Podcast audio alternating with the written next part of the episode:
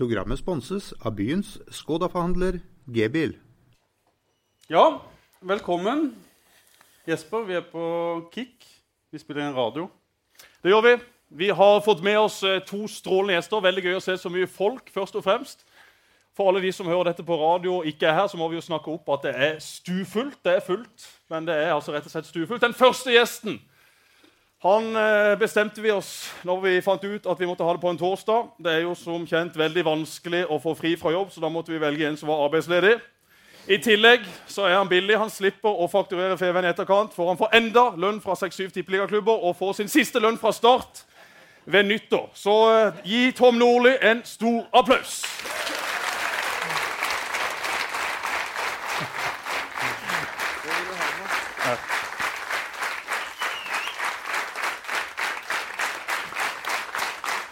Er det lyd på mikrofonen din, Tom? Ja, det finner vi fort ut.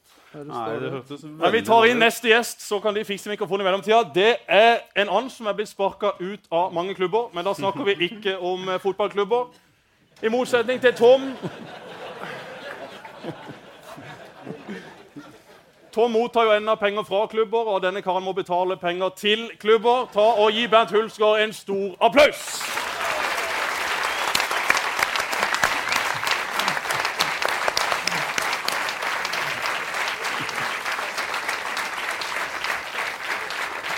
Lenger bort. Du har vært der før, Bent? Bernt. Unnskyld? Du har vært der før. Ja, jeg har vært her før. Eh, eh, jeg har det. Det begynner å dra seg noen år tilbake i tid. Eh, nærmere bestemt eh, faen, Var det 2010 da, Jesper? Vi må ta den historien først. Nei, jeg tror det er 2010. eh, og det var ikke så hyggelig. Men eh, fryktelig hyggelig å være her. Herregud, med folk, altså. Det er helt, eh, helt magisk. Men du kommer ikke unna den, eh, Bernt. Nei, jeg skjønner det. Og, ja, vi skal, altså, jeg fikk spørsmål fra Feven av Jim Rune Bjorvann, som er en veldig veldig eh, vanvittig flink eh, VJ. Og en god kollega av det, Pål. Og etter hvert eh, Nå må vi skru av mobilene, folkens. uh, og, og det, Jesper. Uh, han, jeg fikk en SMS med Jim Rune her uh, Var det i går eller i forgårs? Hei, Bernt. Jeg, jeg hører du skal ned på Kick igjen. Eh, Er det mulig om vi kan rekonstruere den, eh, den saken på Kick eh, som skjedde for noen år tilbake? Den famøse hendelsen som skjedde en natt til, og så hadde han dato og alt mulig. Han har tatt kontakt med dørvakten nå. Ja, han, hadde visst, eh, han visste hvem dørvakta var. Han ligger vel fremdeles på akutten, tror jeg.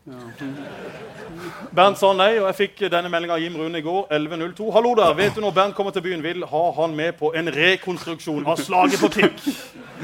Nei, men det kunne ikke gjøre. Altså, vi kan jo godt le av det nå, så mange år etterpå. Eh, og jeg fikk velsignelse av min kjære mor at eh, det var greit å komme her og prate om det og, bare være til stede her, faktisk. For du syntes ikke det var noe gøy? Nei, men du må vite, det var en, det var en guttepjokk på kun skarve 33 år. eh, Som da, som da kom ut av spjellet bare et par kvartal borte her med en eh, kvart liter melk som vi fikk da på skolen, på, og en sånn brødblings. Jeg husker faen ikke hva som skjedde heller. vet du. Det er det eneste jeg husker. Bare dum, dum, dum, dum. For jeg, var jo, jeg måtte jo inn på glattcella der. Uh, faen, det var dumt. Vi, vi spurte om vi kunne ha sånn headover, så vi kunne ta bilde av den skinnjakka mi. For den skinnjakka som ble flerra opp Du ville ha Det så ut som jeg var sånn der, eh, sånn der eh, altså to, fjell, så- to gauper som hadde revet tak i hele skinnjakka. Men det så ikke ut. Så det var jo fem mann som la meg i bakken her. Fullt fortjent. Når jeg ikke klarte å styre meg sjøl den gangen. Det var den gang da. Jeg har blitt et annet menneske, som dere vet. Det sa du da du kom til Start i 2006 òg. Unnskyld? Jeg intervjua deg. Du kom til Start fra AIK i eh, Hvilket årstall var det? 08? Er det, er det det vi snakker? Sju? Jeg kom til eh, Når jeg kom til start, eh, Ja. spør du? Jeg kom til start august 07. Da fløy du inn fra Sverige, fra AIK, spilte mot MK, skåra to mål. Så intervjua jeg deg etterpå, og så sa du det ryktet om meg er overdrevet. Jeg er blitt en rolig mann, sa du. Nei, Jeg sa vel det sånn at eh, når du når Jeg har roet meg. Jeg har skrevet det her. Det Ja, det eh, det hadde jo for så vidt gjort, trodde jeg sjøl. Men så ble jeg vel litt uh, høy på meg sjøl igjen en liten periode der. Klarte jeg skåra to kamper på rad, og det var jo ikke jo, men altså, Det var jo ikke hverdagskost for en uh, ung Vestnes hollender. Og da var det jo med, med snuten i været og trodde da jeg trodde jo rett og slett det var den norske Rivieras Zlatan Ibrahimovic en eh, periode. Men etter episoden på Kick så hadde du besøk av gutta fra Feven i buskene utenfor hus. Stemmer ikke det? Ja, altså Det verste var, det var Og det, det syns jeg faktisk var litt um, Det var ikke så hyggelig, egentlig. Og samtidig så jeg liksom følte på faen, altså paparazzoen liksom er utafor For da bodde jeg på Søm... Altså Hvis du kjører Hva heter den brua? Varaldbrua. Bygd i 19... Bygd i 1930. Det er så viktig. Ja, men jeg syns det er greit å ha fakta på bordet. Bygd Nå virker det mikrofonen din, Tom. Ja. ja du får høre nok av han, med andre ord. Eh, kom over der, og da sto det en sånn Jeg vet da faen om han jobber der fremdeles. Sånn der, eh, kan det umulig være et døgn under eh, 97 år, den mannen der. Det sto en kar der med, med stige opp på, på verandaen min da, og bøyd meg over. Så da sto jeg jo klar. Altså, Da skulle han ha bilder med etter den der hendelsen. Du må komme ut med historia di, Bernt. Du må komme ut med historia di. Og da vurderte jeg faen meg å lempe hele mannen over. Men jeg klarte, jeg klarte å holde meg i skinnet. Og, og mannen tviler jeg på å leve i dag. Det er tross alt fem år siden. Og han er jo passert 100 år. det er jeg helt sikker på. Men det var en fotograf i Feven da, så jeg mener på var født på 30-tallet etter eller Kjet- Rikardsen, var det? Nei. Stemmer. Nei, det var ikke Rikardsen. nei. Kan umulig stemme. Men Kjetil Flygen, som jobber da i Kjetil Feven, Flygen, han hadde han, jeg prøv, sett. han prøvde å bli psykolog. Han, han prøvde å være psykolog, det stemmer. Det var han som sa det. Det gikk over, det. Ja. Kjetil Flygen, ja. Uh, ja nei, vi, vi trenger ikke ta det, han. Vi trenger faktisk ikke ta den. Velkommen, Tom. Jeg legger merke til at alt dette har skjedd etter jeg dro. Oh, Har du vært der før, Tom? Ja, du var for eh, 14 år siden. tenkte men- vi hadde vært ja. Tenk vi har spilt under det. Hadde ikke gått. Jo, det tror jeg har gått fint. Jeg tror kanskje det hadde vært en mann som hadde hjulpet meg litt på vei. Du kjenner de? Kunne de samarbeida, de eh, Jesper? Disse to karene? Ja, de kunne samarbeide i et par uker iallfall. Og så hadde det vel vært nok. Det er klart at eh, Bernt kom her som du sa i stad, fra Sverige og var i storform. Han var vel eh, på den tida under 90 kg. var, eh, var god med begge bein. Hadde vært god i Sverige. Ble henta av eh, Jeg hadde ikke vært god i Sverige. Jasper. Nei, det var det, Det var en grunn til, det, jeg kom til, det var en grunn til jeg kom til start. det, var, det var det pappa sa. Det var derfor han henta det. Ja. Men vi skal ikke, snakke, skal ikke snakke stygt om de døde. Eh, men eh, altså, Tom hadde stilt harde krav til, til Bernt, og Tom hadde jo en enorm respekt blant spillerne.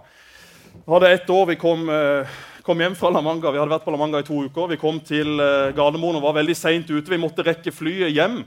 Og uh, Tom da, han, uh, han ga faen i laget og ga faen i bagasjen, så han bare løp for å rekke flyet til Kristiansand. Og Bård Wiggen og Kjetil Rudford Det er klart at det har vært to uker på La Manga med Tom, så blir man møkk lei. Og da Like, like måte. Kjetil Rudford Jeg er jævla høy i mikrofonen min i forhold til resten. Jeg bare, når de ler, så blir det liksom så jævla høyt. Bare. le litt lave. Men så var det i hvert fall Kjetil Rugfold og Bård Wiggen var fly forbanna på at Tom bare hadde løpt uten bagasjen. Og Kjetil sa at eh, jeg skal faen meg hive den bagasjen hans ut over Varadbro. Han var så forbanna, og han var så tøff i trynet. Det tok ti minutter, så hadde Tom kommet seg på flyet. Og det han satt seg på flyet, så ringte han til Kjetil, for Kjetil bodde i nærheten av Tom. Så sa han Hei, Kjetil, kunne du tatt den bagasjen min og satt den i garasjen når du kommer hjem? Ja, ja, ingen problem. Hva sier det om deg, det, Tom? Nei, altså, det var vel lite sånne Bernt-historier på den tida, men Peder Vinsnes du, ringte som du visste om. ja, men Peder Vinsnes ringte meg. Vi var nøye på sånne ting at uh, de fleste lagene på La Manga tok seg en fest. Og jeg har aldri skjønt hvorfor man må feste blant andre mannlige fotballspillere, noen prostituerte og noen pensjonerte golfspillere. Eh, og i tillegg ble dehydrert da og pluss på fly, så jeg sa vel ofte til gutta at eh, ta heller å ta en fest når dere kommer hjem. Og sånn sett så blei vi jo sett på som proffe og fikk et bra omdømme. og husker han eh, Embeland som trente Vard, han skjønte allerede på La Manga at vi kom til å bli bra. Så det har noe med timing og tid og sted å gjøre. Jeg har aldri skjønt det der hvorfor man må det akkurat der og da. Det fins jo ikke et mer på vinteren et mer øde forlatt sted enn La Manga. Så, Vi må, vi må tilbake til eh, 2004, Tom. Vi må Bernt, du får være stille litt og så Ja, kose deg. så bare bytte snus.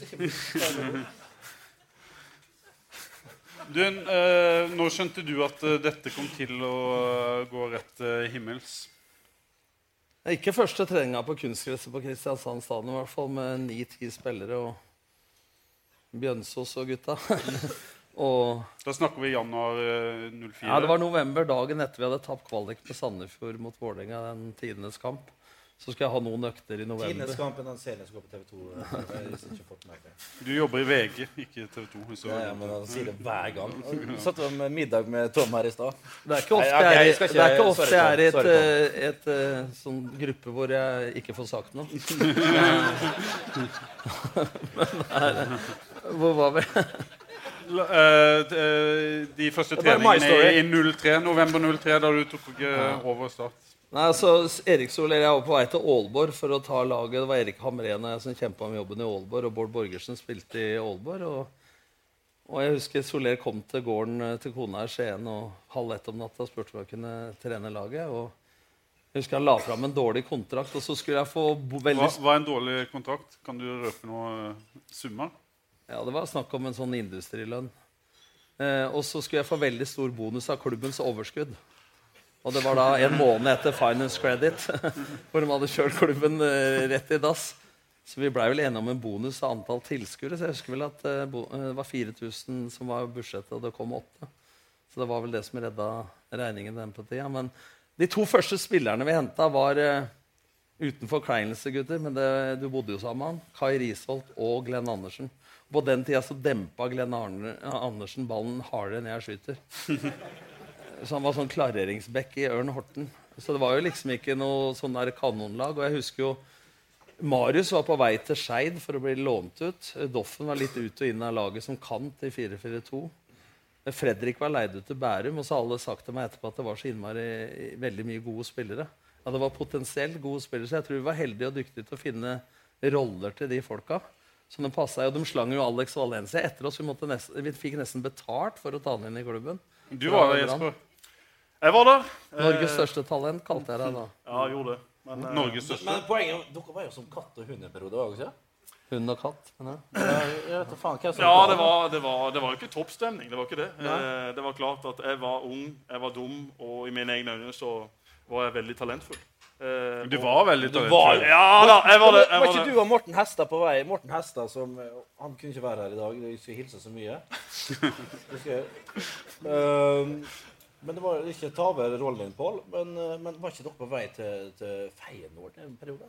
Jo da, vi, vi var på, på vei til trening der, men det, det ble ikke noe av, av av forskjellige grunner. Men meg og Tom var som hund og katt, og vi var vel de som krangla mest av spillerne. Eh, Og, og, og med treneren. Eh, Det var eh, mye fighter på trening. Jeg syns han dømte som et rævhold hver eneste trening. På vilje. På vilje. Og det ga jeg beskjed om. Og da var det alltid sånn at de tre sekundene etter du hadde klagd på dommeren, så løp du med jævlig høye skuldre. For eh, da kunne det blåse i fløyta, og da var det sånn at da kunne du bli sendt av gårde. Men det gikk stort sett greit, for jeg tror du skjønte at, at jeg også var, var litt ung og, og kanskje litt dum. Men det var ikke alltid så lett med Tom. Vi har en eh, fysioterapeut enda i klubben, utrolig nok, som heter Kurt Støen. Han er, han er, han er en omgangsvenn av familien, faktisk. Ja, Er Kurt der i dag? Jeg tviler på det. Han er sikkert til å spille tennis. Han er bedre i tennis. enn- eller så driver han på med yoga sammen med kjerringa. Fy faen, den yogagreia. Hver onsdag altså, så var det sånn yoga en og en halv time. Fy faen, stive fotballfolk og yoga, det går ikke. Det var det jævligste gjorde. altså. Så tenkte vi lo der. altså. Han er gått fra kjerringa nå. Han har gått fra er for kjerringa. Faen på tide. Jul- Det- Ja. Nei, Kurt, vi- må stoppe. Vi må Nei, stoppe. nei, nei, vi, vi må ha den historien med Kurt. Altså, Kurt står jo ned på La Manga. Han kan ingenting om fotball. Han er med på sin, en av de første kampene sine på benken. Da kommer det løpende bort en spiller mot benken. Det er Tom, det. Det er Tom. Tom er Ja, trener. den. Første spiller kommer bort. Hvis dette, da er, er, den, hvis dette er streken kan, Hvis du tar ut spilleren ut forbi streken, så må du vinke på dommeren for å få spilleren inn igjen. Da kan det gå dyrebar tid. Så den første spilleren som kommer bort, tar Kurt av banen, og det klikker for Tom. Hvorfor i helvete tar du den spilleren av banen? Da må vi få signal fra dommeren til å ta han inn igjen. Og Kurt det dogga i glasset. Han skjønte jo ikke fotballen, vet ikke hva offside er engang. Så Kurt da kommer, Fem minutter etterpå så kommer det bort en ny spiller.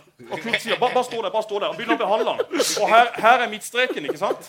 Så han står fem meter inn på egen halvdel. Så, så Kurt står her og begynner å behandle. Og idet han står her, så er forsvarsrekka brøt ut, og så kommer det en ball i bakom, og han stakkaren som står her, han, han opphever i offside. Så det andre laget løper og scorer. Tror du det klikka da? Men jeg har ei bra, like. Ja, ei bra historie fra La Manga. For eh, jeg er på vei opp igjen nå, men jeg tror jeg veide 130. Og når du, har, og når du har Erik Rutford Pedersen som eh, er solariumsbrun og med press i treningsbuksa Det er penere der enn jeg er i bryllup. Og der sto Otmar Hitzfeldt, som jeg kaller han, Erik Rudford. Og så Bård Wiggen var Solheimsbrun. Han satt der. Og jeg var drittlei etter 13 år på La Manga. Vi møtte et lag som het Friska Viljord fra Sverige. Leda, leda 4-2, og jeg satt sånn på en hvit campingstol. Og så var det en svensk dommer, så, så, så, så, så var han dårlig. da, Så kjefta jeg, og svenske dommere er litt pertentlige. Så kjefta jeg litt på han, så sa han svensken til eh, Otmar Hitzfeldt og Wiggen Ni måste fa han att hålla käften. Ja, ja, rolig nå, sa Wiggen. Det gikk ti minutter, så kjefta jeg litt på dommeren igjen. Så, så få han å holde kjeften. Så sier jeg hei, du kan snakke til meg, for det er jeg som er trener. Nei, nei, ni er materialere. så jeg var plutselig Kai Eriksen, 130 kilo i sofaen. Så jeg hadde ikke noe særlig status i den eh, på Lamanga Vi må dvele, litt om Kurt Støen. og Bernt han fortalte meg en historie en gang om, om det. Dere, dere eh, ble veid inn i Start. Eh, når dere reiste på ferie i oktober, og når dere kom igjen i januar. Ja. Og på din siste innveiing så In, innveis. Det var i januar det siste året ditt, så går dere gjennom dataene, og så sier dere Støen Men i helsike, Bernt. Du har lagt på deg 80 kilo på halvannet år. Ni. Ni? Ja. Men var det muskler? Var det Det var stort sett muskler. Ja. Og Det, det skal sies, vi, faen, vi tok jo sånne der, eh, hva heter sånne kraft, eh, Vi åt jo sånne der tabletter som kraftfôr en periode. vet du. Sånne der proteintabletter og sånne der milkshakes-greier. Alt- men Der alle andre fikk Det var ikke noe burgere. Det var protein. Hva faen, hva som Jeg så Bernt i garderoben. Nei, men det, var, kan jeg det, var få- ikke, det var ikke bare muskler. Og det som var aller gøyest, var at eh, Bernt kjøper alle bokserne sine på Joker. Pierre Robert, 99 kroner. Du har sikkert på deg den i dag òg? Nei, i dag er det fra Rema. I dag er det sånn annet. Men Men da, du, du likte å være undertøysmodell for Pierre Robert i garderoben, spesielt i denne tida hvor Kurt hadde lagt på deg ni kilo. Ja, jeg hadde lagt på meg ni kilo, men det, altså, altså, når du, når, altså, det er et lite tips mer enn noe annet her. da. Når, når du drikker de der proteinshakene, så er det viktig å trene og løpe mye. Jeg, altså, jeg, jeg drakk jo det der som det gikk out of fashion. liksom. Jeg satt jo hjemme og tok dem. Jeg tok en sånn tre-fire armhevinger og trodde her, her skulle være Arnold Schwarzenegger. Så jeg hadde jo sånn der, eh, jeg så jo ut som ei humle, vet du. Så jeg hadde det der, eh, så spink, spinkle beina mine og sånn der, eh, sånne der my mygg, myggarmer og en helvetes til kul her. Og, og to plommer som sto ut her, da. Sleng i stillongsen. Ja, det var, det var sleng, i, sleng i stillongsen. Ikke tenk på det, min venn. Så var det, Så var det sånn her dronningbie som fløy rundt der med den svart-gule drakta.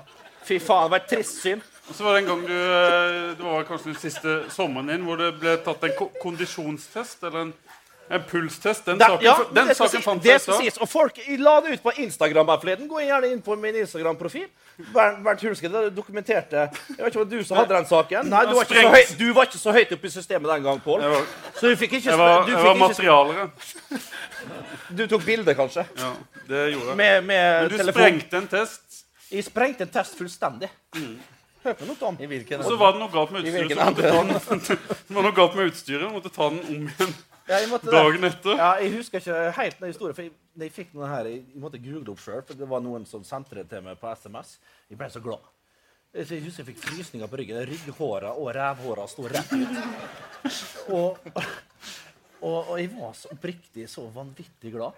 Og så sjekka jeg gjennom, så var det rett nok det var feil på testen. Men jeg glemmer aldri. Jeg sprang fram og tilbake, og liksom alle hadde gitt seg og full pakke. Jeg Hadde sånn pulsmåler som det her. Og sprang fram og tilbake. frem og tilbake. Jeg så den ene la seg etter den andre. Og så fikk jeg vite, da, men han, det var ikke Kurt Stø, men han Jørn Inge Stray Pedersen. da. Ja, du, ja, du er fornøyd nå, Bernt? Ja, det er greit nok det. Du er to runder bak alle, eller? jeg var to runder bak alle andre, og jeg trodde liksom jeg hadde sprengt testen. da. Så det var jo fortjent at de... Men Det var dårlig fortalt, for den historien er ganske bra. Det var jævla dårlig fortalt. Men jeg var faktisk to runder bak, altså. Det skal sies. Eh, Men det var jo bra for å være med. Men vi hadde løpstester før ferie og etter ferie. Stemmer det at vi løp 15 sekunder mer etter ferien, så vi skulle få følelsen at vi hadde framgang? Ja, bare for deg. Så du skulle komme opp på nivåmateriale. Men fortell oss litt om, Du hadde jo en Nordli-test Ja, som du en- innførte. Nei, men jeg hadde en test allerede på 80-tallet, for vi hadde aldri penger Allerede til på 80-tallet, O2-tester og sånn. Ja, før du var født. Så tok jeg to kjegler 30 meter fra hverandre. og Man sier ikke jeg er utholdende, men jeg var opptatt av myr og orka. Men første gangen jeg tok testen, Så ble det noen feil på klokka, så vi tok den i 7.04. Så i alle steder jeg har vært, så har det vært 7 minutter og 4 sekunder. Så det var ikke noe lenger da, Espen. Ikke for deg heller. Så det, det var en test som folk hata, men jeg var jo opptatt av hva Men Tom var veldig opptatt av snittet på denne testen, for det ble lagt ut på hjemmesida i etterkant. Og alle de som løp kort, meg sjøl, Kai Risholt, Tord Jønsson, vi hadde alltid en småskade disse dagene, så vi ble bare strøket. Snittet føk opp. Det var Eggen gjorde sånn. Nei, vi hadde faktisk eh, høyeste snittet som har vært noen gang i Norge, med 29,57 runder på start, inkludert Rune Nilsen, som var venstreback. Kunne ha vært venstreback, han var keeper. Så det var, eh, vi Dette var var i godt trent på 2005? Det Var dette i 2005? Ja. Ja. Asbjørn Rike fra Vennesla hadde rekord. ja. Mannen som alle Er du i slekt med Kjell Kristian? Nei. eh, Nei, Kjell Kristian like var jo verbal. veldig verbal. Men det, er har, men det er en litt morsom historie med Var ikke ver Han var ikke verbal. Nei, Tom har en eh, Det ble spurt om ti spørsmål i avisa. Ja, nei, altså Vi, vi intervjua folk i programbladet til start i halvannet år. Og Asbjørn eh, Fredrik Halvor ble intervjua ti ganger tror jeg, før det var Asbjørn sin tur. Han var rimelig innadvendt, men en du alltid kunne stole på. Så han fikk ti Han spilte jo ikke mye heller. Det Nei, Man det spilte elleve kamper i 2004, og han var aldri en du klagde på. for han gjorde sitt beste. Men som leder så er det om å gjøre å få fram den innadvendte også, ikke bare sånn som Bernt og Fredrik. og sånn, for at hvis du, Da de sitter på fiskebrygga og sa skål hvis de hadde sagt de var fast på laget. Det er korrekt. Men jeg hørte, men jeg, men jeg hørte ikke eh, Asbjørn si noe annet enn hei og ha det i ett og et halvt år. Helt til han klikka og slo Folk er forskjellige. Til han slo ned Hold kjeft litt nå. Til han slo ned Bård Borgersen på treninga, så vi sto og klappa. Han fikk en ti spørsmål i programbladet før Vikingkampen. Så sa han på de ni første spørsmåla så svarte Asbjørn det er vanskelig å svare spontant på. Og det tiende spørsmålet var hva er ditt favorittuttrykk. Nei, Han syntes det var litt vanskelig å svare spontant. Så det blir humor av det. Men eh, det er en lederutfordring å få ikke bare de som prater høyest, dems egenskaper til lagets beste. Det er faktisk en kunst, og der var jeg for dårlig. For han var en fyr som hadde intelligens og forståelse av alt, som han ikke presterte på banen tida. Så kunne vi brukt noe av det Asbjørn kunne, til lagets beste. Og det er jo til folk, om de er lærere eller foreldre eller, eller næringslivsledere. altså Å få fram de som nødvendigvis ikke prater høyest. Eller, ja, Fredrik og de hadde jo egne TV-program og alt som var. Så å få fram dem, det er en utfordring. Så Asbjørn han kjente jeg ikke før han klikka på Borgersen. Og jeg får si det sånn, jeg er redd Borgersen, men jeg hadde ikke møtt Asbjørn Rike på Karl Johan en lørdagskveld heller. Det er akkurat det du ikke hadde møtt. Nei, jeg hadde ikke møtt ham heller. Det er lite sannsynlig jeg hadde vært der. Men han kunne du møtt. Du har klikka på Borgersen. Bård Borgersen, ja. Eller var det omvendt? Kristiansand Ja, stadion. men det, det, Jeg husker episoden. der. ja, det, det gjør du vel. Det var, det var fire mot fire-spill på Sør Arena når det fremdeles var gress. Kristiansand stadion. Og, ikke sa Unnskyld? Kristiansand stadion. Nei, eh, ikke den her. Nei. Eh, det kunne vært på Sukkervann. Vi har vi sloss på Sukkervann, men det var på, på, på, på Sør Arena, ja. Å skille slåsskamper fra ja. Nei, men altså, det var bare fyr, litt fyr i teltet, rett og slett. Og det skulle det være. Og Bård Borgersen, hva sier man? Det, Bård er en fantastisk fyr. Jeg savna kanskje litt nå i år, når han har vært trener, at han kanskje kunne fyrt seg opp litt mer. Da hadde mer temperament som trener som han hadde som Ja, spiller. faktisk litt. Eh, uten at de vet om hvordan han er i garderoben. Men litt sånn utad. tørt Men nå sitter- jeg regner med at Bård sitter her. Så det blir vel juling å få igjen. eh, en fantastisk type. En, en, en mentor for meg. Og ga meg veldig mange Nei, en veldig god eh, fyr på alle måter. Han hjelper mye, han, med, med å være en forbilde på treningsmessig. og alt sånt der. Men det var eh, fire mot fire. Kenneth Høie. vet du. Han, altså, Kenneth Høie, når han hadde en dårlig dag, så kunne han i fortvilelse glippe sitt eget hode. Det var helt, det var helt jævlig. Han kunne det var, Faen, altså. det bra. Men så kunne han jo året... redde Ja, for Takk. Du husker når vi, når vi Ja, ja, men frokostsalen på Sør Arena? Kan du fortelle det med frokostsalen? Da, OK. Kenneth Høie Kenneth Høie er dandy, som vi alle vet. Kjørte aldri alltid de mest eh, flotteste bilene. Og kom der med, med tøyet var på plass, og alt var. Altså, Selvhøytidelig og fin. Håret lå strigla. Håret var strigla, fregnene var plassert riktig. Eh, ja, og al ja, men alt, alt var gjennomtenkt der. Altså, han tegnet, hvis de ikke lå riktig etter en dag i sola, så tegna han de på. Så det var jo sånn sjakkbrett. Sånn, eh, svart, det, var, det var så nydelig å se på Kenneth der på en god dag. Å, herregud, han var fasit mange dager. Mange dager ikke. Eh, men da var det da en gang han kom med, med, med en lue der. Var ikke det i, i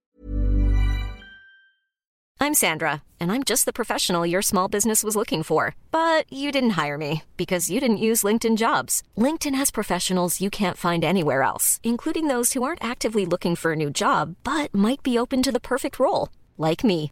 In a given month, over 70% of LinkedIn users don't visit other leading job sites. So if you're not looking on LinkedIn, you'll miss out on great candidates like Sandra. Start hiring professionals like a professional. Post your free job on linkedin.com/people slash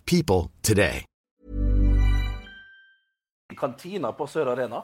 Det var, Og han hadde en dårlig dag, så han hadde skal vi si, seks og sju dager i uka. og, og, det, og det var disse, Ja, men. Vi hadde frokost i disse tider. Det var gode tider på Sør Arena Vi hadde egg og bacon til frokost. Kenneth Høie kom inn, stilte seg i kø. Oh. Ja, der har vi svaret på det. Kommer vi snart til poenget. Ja. Vi kommer til poenget snart, gjør vi ikke det? Fullfør du. Nei, nei, fullfør gjerne, min venn. Han stiller seg bak Espen Børufsen i køen. Espen Børufsen har akkurat kjøpt seg ei blå og hvitstripete lue. Kenneth Høie stiller seg rett bak. Har kjøpt akkurat samme lue. Da faller det en kommentar fra bordet vårt. Jeg skjønner ikke hvordan Vi var der før det. Vi kom som regel senest til frokost. Det er Men, men eh, vi spurte Kenneth om han hadde kjøpt seg en ny lue. Hva skjedde så? Han tok den hua, ikke bare sin egen, han tok både Espen Børufsen sin lue og sin egen, og smalt den i søpla. Tok to jafs av yoghurten som sto der, og sprang til helvete ut. Kom ikke på trening. Det er for at en, lagkamerat hadde samme lua som han. Det var nok til at ikke han skulle trene den dagen. Og han eh, ble dismissed. Det, var, det, var, altså, det, det lå altså, Jeg tror han hadde det i kontrakta. Altså. Sto han opp med feil bein, så fikk han være hjemme. En av få spillere for øvrig fra din tid, Tom, som har fått en veldig fin karriere, og som fortsatt uh, spiller på høyt nivå. reparerer du liksom Ja, det er sånn Men uh, fortjener ikke Ken- Ken- Kenneth Høie den? Jo, altså, vi henta Kenneth uh, Og det var vel sånn at uh, i spillestilen vår så var vel Rune Nilsen så fantastisk med beina. At uh, Spesielt når vi spilte mot lag som uh, pressa høyt og vi skulle frispille, så ble nesten Rune valgt pga. det. Kenneth hadde jo et kjempetalent, hadde vært innom United som ung og osv. Så, videre. så sto han jo cupkampa i 2004-2005. Og så var han jo uheldig i kvartfinalen mot uh, Vålerenga med Bernt på banen. Skårte jo med høyre. Kølene lengste. Kølane lengste. Kenneth var, var helt utagbart. Og Kenneth gjorde en tabbe, som jeg vil si. da. Og Skåring i lengste her, altså. Så han har jo gjort det veldig bra etterpå. Spill, spiller i Djurgården Å, jeg ser for meg nå. Utrolig flink på svor- svorsk. Hæ, hva sa du? Flink på svorsk nå, Kent Høie. Ursäkta? Eh, Bland, blanding av svensk og norsk er jo Kent Høie. Ja, men Kent Høie- jo, jo, men det blir, altså, jeg spiller sjøl i, i samme by som der Kenneth spiller nå. Og du kan, altså, da skjønner jeg at du snakker svorsk. Eh, For det er sånn, eh, Når jeg satt i garderoben på Carl Berg, så heter treningsanlegget som vi hadde i Allmenna idrettsklubben så, så hvis du sa liksom ja, 'Jeg vet ikke hva jeg heter.' Hva jeg heter hva faen er det du sier? Det, det er ingen her som skjønner. Det? Og det, det jeg sa nå 'Hei, hvordan går det? Mitt navn er Bernt Nikolai. Har du en fin dag?' Og da og da, og da måtte jeg alltid repetere meg sjøl. Istedenfor å repetere seg sjøl, så er det bedre da å bare legge om til litt sånn Kristin Kaspersen eller det, Hva heter han, han Benny Borg? Benny Borg, takk skal du ha. Kristin Kaspersen er jo datter av Kjell Kaspersen, gamle landslagstrener. Nei, gamle landslagskeeper. By the way. Fryktelig flott. Og Så snakka du da, Bent. Når du var i, i Ja, jeg vet ikke, men jeg, jeg fatter at jeg igjen har gjort en meget besviken jobb for AIK. Det var, det var, det var, det var, det var, Tenk om man skulle repetert da. Det var litt mer i den. Og det repeterte. Så det var samme setning av 22, altså det var 26 runder da, i Allsvenskan. Så liksom, når du måtte si det 26 ganger på rad i intervjuet, så var det ganske greit å si det. Programmet blir sponset av byens Skoda-forhandler G-bil. Tom, jeg tror mange av de som sitter her, eh, er kommet for å høre på deg. Det ble ikke lett. Å, fy faen. Du, vi må eh, Vi la ut en sak i Fedrelandsvennen eh, tidligere Kaffe. på nett. Der eh, vi lister opp en, eh, en gruppe med trenerkandidater. La oss si at Steinar Pedersen er gone for start.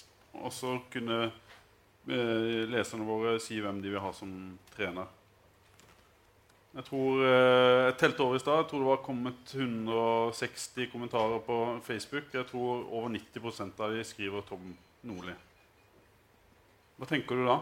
Han satt på Facebook i stad når vi var ute og spiste middag. Da har han mange forskjellige Det profiler. hører hvis, til eh, sannheten at jeg ikke har vært på Facebook noen gang. Nei, nei, men Du skriver jo ikke eget navn, selvfølgelig. det. Nei, altså, det er eh, hyggelig, det. Eh, jeg føler også at eh, sånn generelt i Norge at man har en bra standing i folket. Og så blir det selvsagt noen historier i tabloidene som gjør at uh, Det fins jo folk i starten som jeg aldri har snakka med, som er imot at du skal komme. Uh, og det blir jo litt sånn synd at man skal danne seg et inntrykk uten å, å snakke med folk. Og jeg mener at Start er et, uh, en by har hegemoniet mellom Stavanger og Skien. Og det burde være forholdsvis enkelt å ha et stabilt tippeligalag. Det høres kanskje cocky ut, men jeg mener at det er minste felles multiplum, egentlig. Og Hva sa du? ja det, Ja, har du lyst? Har du lyst til å trene Start? Nå? altså, eh, Nå veit jeg ikke, men, Ja, men eh, nå, det er nå sjansen er der. Er der jo ikke om eh, Nei, om det er feil, for sjansen er ikke der. For da har hun spurt for lenge siden. Ja, sjansen kan være der nå, da. Ja, altså, jeg har sagt at eh, Selg inn Tom. Jeg føler at eh, Nei, jeg trenger ikke å selge meg inn, for det, det ville vært for dumt. Men jeg, jeg føler at eh, jeg hadde noe ugjort når jeg dro herfra. Jeg syns avskjeden var unødvendig og feil.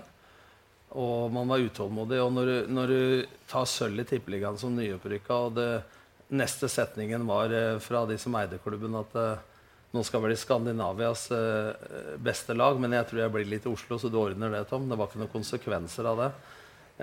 Og så går det litt dårlig etter Royal League året etter, så, så er man litt utålmodig. Og man sier at det er så ille nå, for det er 50 millioner i budsjett.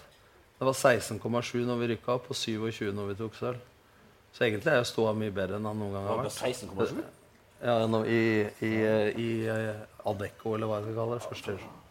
Så det er klart at jeg syns at eh, Som faglig sett at det er mulig å gjøre det vesentlig bedre. Og så syns jeg at det er i hvert fall lukka. Det var noe Soler var flink til. Så åpna han bl.a. til dere i Federlandsvennen, det veit dere. Eh, Den eh, tida det sluttes å diskutere fotball i lunsjsteder rundt i Kristiansand. Og jeg syns at vi trenere og klubber må tåle mye mer kritiske røster. Istedenfor å lukke seg og si at alle er idioter som mener noe. Altså jeg mener at kritikk, både god og dårlig kritikk, er noe av fotballens vesen. Og det skaper dynamikk. Og i det øyeblikket man, sånn som på Lillestrøm nå, hvor man slutter å diskutere laget Før så elska man eller hata Lillestrøm, altså non-amatør osv. Men går ikke det kun på prestasjoner? Har Nei, det går også, eh, men det går også på hvor mye han byr på seg sjøl. Hvis det blir likegyldig stemning i byen, så ikke folk kommer på stadion, så handler det ikke bare om prestasjoner. Men, Men går det an å by på seg sjøl når en gjør det så dårlig som Start har gjort nå? Ville ikke det bare vært eh, Ja, men jeg tror folk ja, som ikke skjønner så mye fotball heller, vil se en midtstopper som sklitakler en inn i reklameskiltet. Altså, så lenge folk ser at her ytes det maks, og ikke er så konsekvenstenkende og bindig altså, Det er fotball, det er ikke krigen i Irak. Altså, å by på seg sjøl. Altså, for meg så virker det så knytt. Og så må man bygge profiler i, i gruppa. Og Soler var flink til det. Jeg tror jeg var flink til det. Det var en grunn til at vi bar Fredrik og Doffen på skuldra etter vi Men vunnet. var ikke det for, fordi de var gode, da? Er det ikke eh, resultatet som bygger profiler? band? Jo, det er, det er noe av det eh, som gjør at det er god, men altså, det, det har jo sammenheng dette. Bernt kan vente. Ja. Det er jo sammenheng med det der produktet. Men folk, da vil, eh, Man sier at vi skal spille underholdende og moderne fotball osv. Gjennomsnittsbefolkningen av Norge gir faen i åssen det ser ut. De er opptatt av at laget vinner. Det er det de er opptatt av. Og nå er det Ja, Er det ikke derfor du har så stor eh, eller høy standing her? At du har, fikk resultater? Er det ikke så enkelt? Så, Men jeg, jeg håper og tror at det er litt måten vi var på. Tar deg tid til å diskutere med folk. Eh, diskutere med supporterklubben. Eh, tar deg tid til å møte menigmann på butikken. By på sjøl. Ikke vær redd for at folk mener noe om deg. Altså, det handler om at folk De er heldige, den som spiller i Start. Som får lov å ha den drakta. Hele byen skulle ønske at de hadde det. Altså, er det så farlig å by på seg sjøl og si at eh, vi skal bli et av Norges fire beste lag? Ja, går ikke, så går ikke, da. Skal hele tiden være så reservert. Jeg mener at eh, det må ikke bli som på Hedmark, at de er spontane bare når de får tenkt seg om.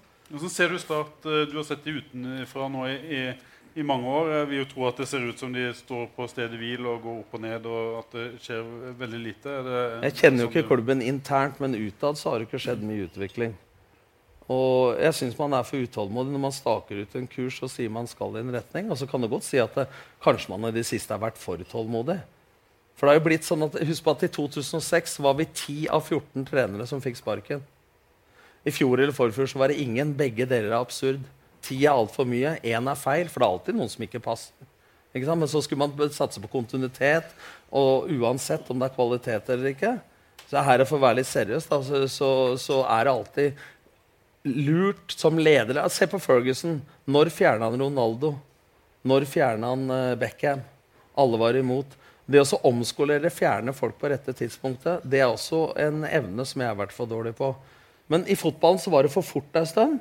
Og jeg mener i det siste at det har vært for sakte.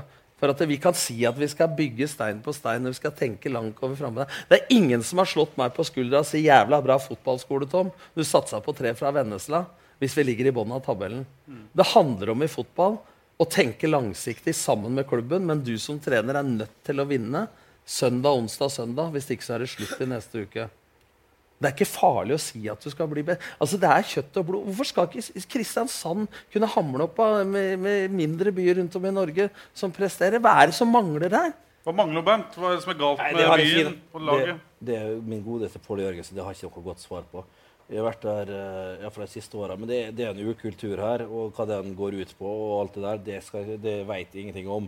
Men du må men, si hva du, du kan ikke si at det er en ukultur her. Jo, men det kan jeg si. For det er ingen vinnerkultur her. Og det er det ikke. Man, mangler, det mangler en uh, Det mangler typene. Det, det, mangler eh, rette typene til Tror jeg. Men, jeg tror ikke men går det på folkeslag? Går det på Sørlendingen? Går det på klubben? Altså, Går på byen? Hva, hva går ja, du begynner å peile inn på noe som vi har snakka om tidligere. Og ja, nei, altså Men ting er godt, og det er godt, og, og det, det, er sikkert å være på Sørlandet. Uh, går det dårlig, så liksom føler du aldri du får, ikke, du får, aldri en vegg imot det. Det gjør du ikke. Du får kanskje litt sånn uh, medynk mer. Og med en gang du snur, det er noe, Hvis du har spilt Super Mario, og de spøkelsene som liksom følger etter det der uh, og, og de, de, Med en gang du møter dem, og så er det greit, og så snur du det, så springer de etter det. Og det er kanskje litt sånn her i Kristiansand by. Godt bilde. Men det, ja, det, ferd, men det var i ferd med å bli vinnerkultur. Da fikk jeg mine to sekunder. Det var i ferd med å bli vinnerkultur. Men for å være ærlig på det, så er det for enkelte viktigere å ha det hyggelig, alle er involvert og alle skal delta, enn å vinne. Var det som felte deg? At du ble for ja, altså Jeg var for kravstor i 2006. Vi hadde mye skader etter Royal League og ni skifter av underlag osv. Men jeg stolte ikke nok på at Jeg visste ikke at vi var så bra som vi var. Ja. Som Marius Johnsen og jeg har diskutert etterpå. Fordi at vi dro med mye spillestil. når du får et krav på deg som trener at du skal bli Skandinavias beste lag foran FCK, så tror du at du må øve litt mer. Men jeg burde ha stolt på at vi var så drilla etter de to og et halvt åra. Du var ikke rutinert nok sjøl, da, kanskje? Nei, det kan godt hende. Derfor er jeg mye bedre nå, ti år mm, etterpå, mm, jeg enn jeg var da. Takk skal du ha. men, men, poenget da, er at eh, når du får de krava på deg Jeg er ikke stort på at laget var For vi var egentlig jævlig bra. Mm. At vi ikke hadde trengt oss å terpe så mye og slippe opp litt. For spillergruppa begynte å bli veldig skolert. Altså Dere begynte å uh, var selvjustis i gruppa. Uh, det var læring, skjult læring fra medarbeider til medarbeider uten at treneren burde være så synlig. Men jeg følte at jeg måtte gire på enda mer for de krava som ble stilt, uten at vi skulle øke budsjettet osv. Så, videre. så jeg har jo lært mye av den perioden. Hva hadde skjedd hvis det hadde blitt gull og ikke sølv i, i 05? Jeg tror ikke hadde Kunne du tatt av mer, egentlig? Nei. Jeg tror at vi var et lag som hele Norge heia på. og Vi spilte eh, modig, offensiv fotball, men vi vant i tillegg. Og da er det ålreit å spille bra fotball. Som jeg sa i stad, er det viktigste å vinne. Eh, men det å være nyopprykka og ta sølv, nesten gull, som vi burde ha tatt, så trodde vel både jeg og andre at det gikk litt sånn. Kanskje ikke jeg, for jeg gira jo på mer. Men folk tenker vel at dette går bare videre. Vi hadde null landslagsspillere, plutselig hadde vi sju i A-landslagstroppen. 18 landslagsspillere sammen. Dere var på U19, U21 osv. Så, videre. så det var jo bare sånn. Og så tror jeg ikke vi var klare for å ha en målsetting om å bli Skandinavias beste lag. Det fører til noen konsekvenser.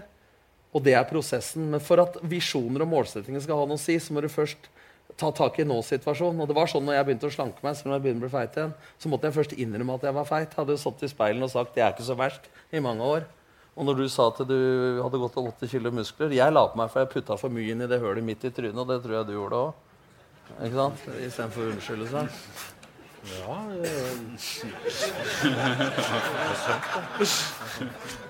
Det er sant, det. Det er sant, det. Altså, jeg, tror ja. at det er mulig. Og, ja, jeg hadde hatt lyst til å gjøre det. Familien trivdes her osv. Men jeg er ikke sånn at jeg klorer etter det. Jeg, det, jeg holdt på å skrive det for en klubb i, i, formiddag før jeg dro hit. Oi. Men jeg venta litt. Hva? Spennende. Hva?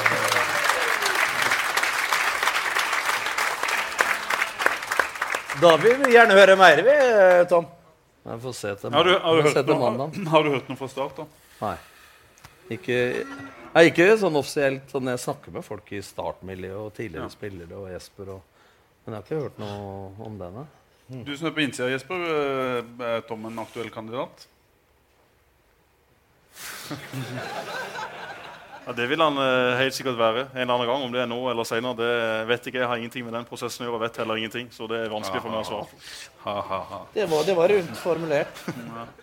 Men eh, jeg må få lov å skryte litt av Tom. Han, eh, vi, hadde ikke, vi var ikke alltid bestevenner, men nå har jeg hatt eh, seks-syv trenere i etterkant. Eh, det har vært mye rart. Og det å se den jobben som Tom gjorde med de gutta Se på det laget som spilte, se på de elleve som spilte, se hvor mange av de som har vært i nærheten av det nivået siden. Det er vel nesten ingen.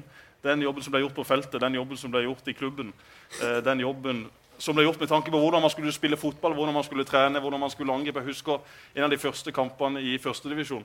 Etter Tom kom, så sa han at vi skal løpe i stykker alle andre lag i Norge. Og halvannet år etterpå så hadde vi gjort det. Eller ikke vi, da. Jeg satt jo som regel på benken. Men de andre hadde gjort det.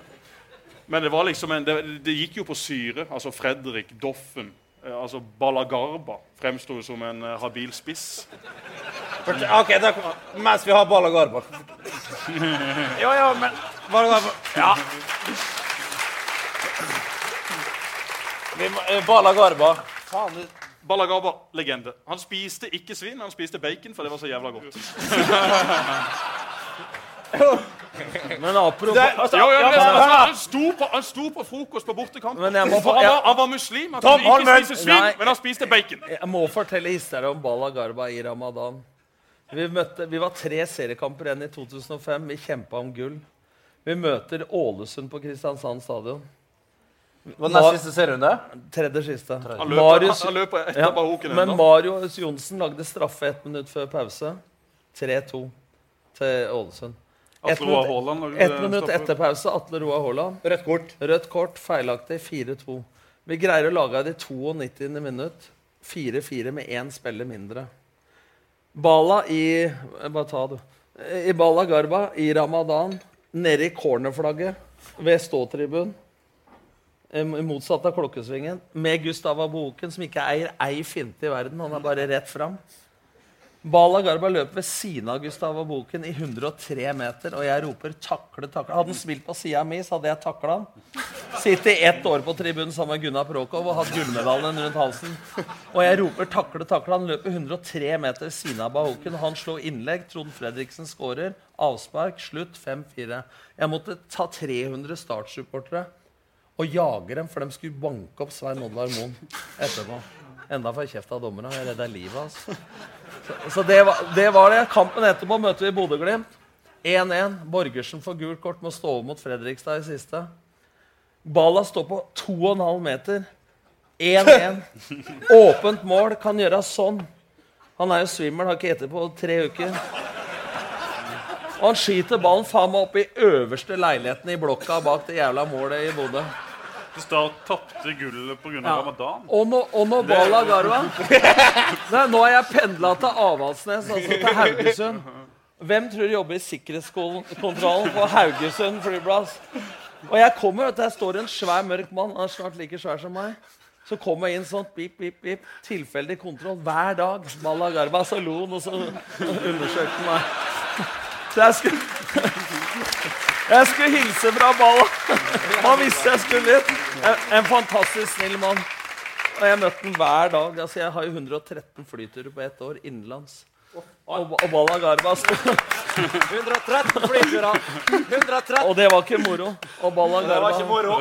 Det var ikke var en strålende mann, men han var også gnien og han var smart. Men Han sykla Først var det ikke noe Jon Midtun Lie? Husker vi Jon Midtun Lie? Ja. Jon Midtunderli mista markeringa på Nei, jeg trenger ikke applaus, jeg trenger ikke applaus, men han var bra. Ja. Han var bra, da. Du var en av dine favorittspillere. Du hadde den i tre forskjellige klubber. Jon Midtun En God, kjørte jo en god squad-player. Ja, Nei, men Jon Midtun var, Jeg spilte med ham sjøl, var så heldig å spille med han. Han var en uh, mann av få ord. Eh, var jo bestekompis med den røyk, piperøykende Geir Ludvig Fe... Ja, Geir Ludvig Fevang. Han bo, bodde på Lund, han. Og det var alltid liksom, eh, liksom han og Tonje, dame, kona hans, da. Så det ble etter hvert. Og så Han var, han var statskaptein? Ja, han var ikke det da. Nei. Og hadde Tørum visst at han kan holde på med oppå den terrassen sin, så han har ikke vært det i dag. Noen gang vært det. Og det var alltid hver gang jeg kom opp der, liksom, og så var det inn, og så var Tonje som tok imot meg. Og et sånn eh, sjal, og sånn rødt lys der inne. Fikk en kopp sånn varm grønn te. Og da, og da alltid liksom Geir liksom, Geir liksom, Nei, du veit jo hvor han er. Og han er på terrassen. Ja, han er på terrassen, ja, det stemmer det. Så sitter der og ser på Tro og Liv på NRK på, på skjermen da, en liten halvtime. Så kom alltid Geir ut fra terrassen og inn da, med sånne runde Paul Sheffy-briller. Og ei pipe. Og hvordan står det til her, da? Kanskje litt, ja, men litt typete, fin. Han var, han var spesiell, Geir Ludvig. Eh, mye i topplokket. Kanskje litt for mye. Men, men eh, en fryktelig Jeg husker en episode med det. Og Men vi må, vi må gjøre oss ferdig med Balla Gaba. Ja, men, men det, vi sporer av og sporer av vi her. Jon jeg får bryte av litt. Grann. Nå, er, nå, er, nå er jeg spurt eh, ganske, Det er ganske sikkert på 20 minutter om å få en kopp kaffe her.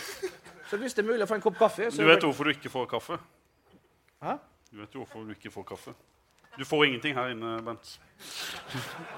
er det stengt. Uh... Nei, det er på Kish vi er nå. Bala Gaba. Men kjør videre. Skal vi fortelle Bala. Bala, Balla ble en gang avbilda i Feven. Han hadde fått sponsa en sykkel av Nordby. 10 000 kroner, gratis. Han eh, ble lagt fram som han var veldig miljøbevisst. Sykla til hver trening. Det var aldri noen av oss i avstand som så den sykkelen. Den ble solgt veldig tidlig. Fikk, han, fikk gjort et godt salg for 7000-8000. Og han satt på til trening først i halvannet år med Jon Midtun Lie, som forresten er veldig dårlig på bakerste stolpe. En gang hadde satsa 20 000 på start hjemme mot Tromsø. Vi leda 1-0. Jon mista markeringa på bakerste stolpe 1-1. 40 blås rett ut. Samme det. Ba Bala, Bala satt på med Jon Midtun Lie i halvannet år. Og Jon bodde ikke sånn at han kunne plukke han opp på veien. Etter halvannet år så kom Bala. av Jon, thank you for driving me to training every day. This is a gift from my wife. Han fikk altså tre liter med nigeriansk saus. Og det, og det smakte helt forferdelig. Etter det Jon fikk fra klubben, jeg tok over det å kjøre Bala til trening. Jeg måtte kjøre han hver dag i to år. Han bodde over Inge Dipner, eh, ID Musikk, rett før Lundsbroa. Henta han Der der. var det varmt inne hos han. Jeg hørte noen journalister som var der. Han er Han alltid, tålte det. alltid 45 grader i leiligheten. Ja, han følte seg hjemme der. Nei! Nei, det Jo, det gjorde han. Han, Ja. sa, han sa det sjøl var viktig. vi- Ja, OK, Han gjorde det. Han, han frøs ofte på trening om vinteren. Ja, riktig. To, to år til trening slipper han av. Ah, Jesper, you're such a nice guy. Fikk 100 kroner for bensin. To år kjøring! Raus, raus type. Raus type. Raus type. Å, du store albaner. Husker du første skoene han fikk av Kai Eriksen i Sørlandshallen? Bala. har tilfeller sine materialer mot Kai. og Han hadde noen sko fra faren din sin tid, og Olav Klepp og gutta spilte. Så han hadde jo noen sånne pottinger, som jeg kaller det. Det var kunstgresskoa til Umbro. Jeg tror de veide 1,5 kilo per stykk. Og Bala hadde løpt barbeint hele sitt liv. Og kommer til start, da, og jeg skal hjelpe henne å få noen gode sko. Så Kai Eriksen deler ut de skoa som sto med støv på, oppe i venstre hjørne der. Og jeg husker Kai ble så gæren på meg, for jeg sa han kunne ikke ha de skoa. Men han kunne jeg løpt med dem, for når balla løp, så det, det smalt. Vi trodde jo det var noe sånn metal. Det smalt jo i ankla på han. Han løp, men eh, så fikk han ny kunstgress. Han, han sa bare 'jeg tar dem'. Jeg sa han veide 1,5 kilo. Du kunne kjøre slalåm med dem. Eriksen skulle bli kvitt eh, skoa fra faren din sin tid. Altså.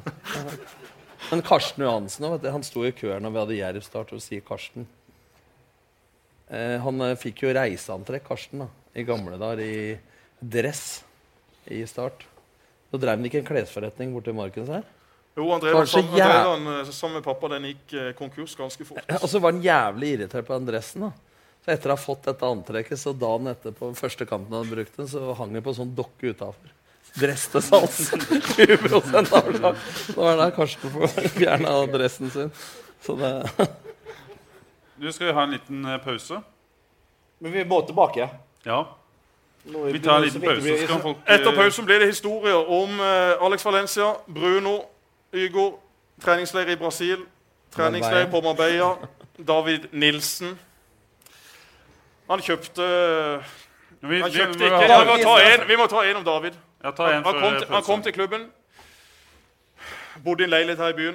Gikk ned til uh, Hifi-klubben og kjøpte et Hifi-klubben, som vi kaller det. Vi kaller det Hifi her i Kristiansand. Kjøpte et BH-anlegg til 120 000. De kom hjem, skrudde det opp. Han var i klubben et halvt år etter dette. Han betalte aldri den fakturaen. Han ble da solgt til utlandet, til Danmark. Han reiste. BH-anlegget hang enda ubetalt i leiligheten. Jeg håper de har henta det i dag. Det var David Nilsen. Han har vi fryktelig det, altså, vi, mange historier om. Faktura David Nilsen det kan vi snakke om i hele kveld. Det kan vi. Men det, det har vi sagt nok. David Nilsen er en god gutt. Forsynt seg bra. Vi tar en liten pause.